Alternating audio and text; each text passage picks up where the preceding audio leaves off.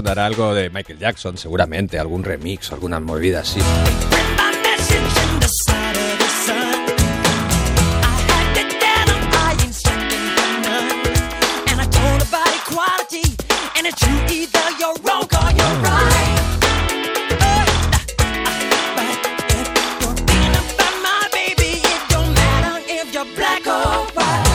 Siempre cae algo porque tengo que poner cosas súper reconocibles para 18.000 personas. Entonces, en un momento en el que por mucho que digan, uy, la peña que va al primavera se entera mogollón de música, pero ahí hay 18.000. Igual hay 6.000 que se enteran mogollón y 10.000 que no.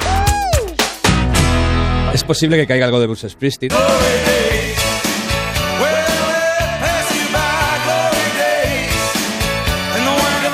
Siempre lo intento colar, algún año cuela, otra vez no. Algo de Daft Punk, satélites va a caer, seguro. El año pasado no me acuerdo qué puse. A Donde Wall, creo. otra, Daft Punk.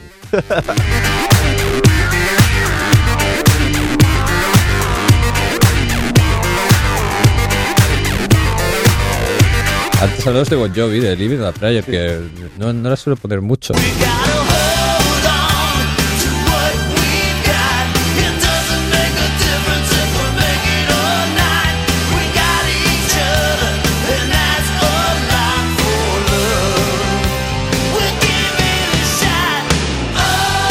Yo las, las tres o cuatro veces que he pasado por ahí sonaba. Me gusta más Runaway, ¿eh? pero, pero claro, es más reconocible.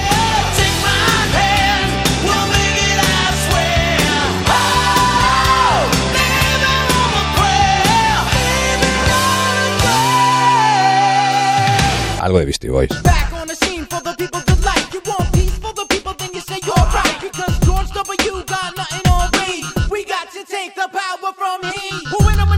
Para mí no existe el guilty pleasure. Me parece una estupidez esto de que culpable, ¿por qué? O sea, no sé, ¿qué culpa tengo de que me guste Taylor Swift? O sea, me gusta, o sea, me gusta, ya está, no me siento nada culpable por ello. Mira, es otra cosa que podría sonar.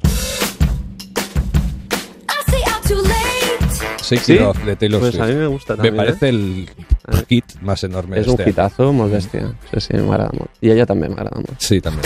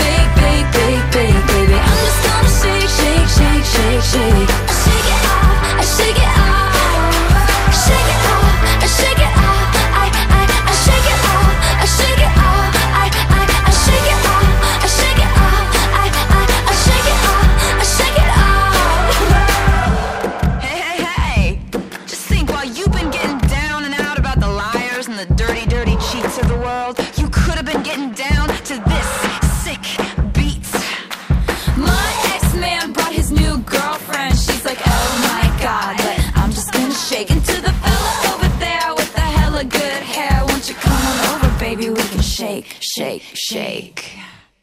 Yeah. Cause the player's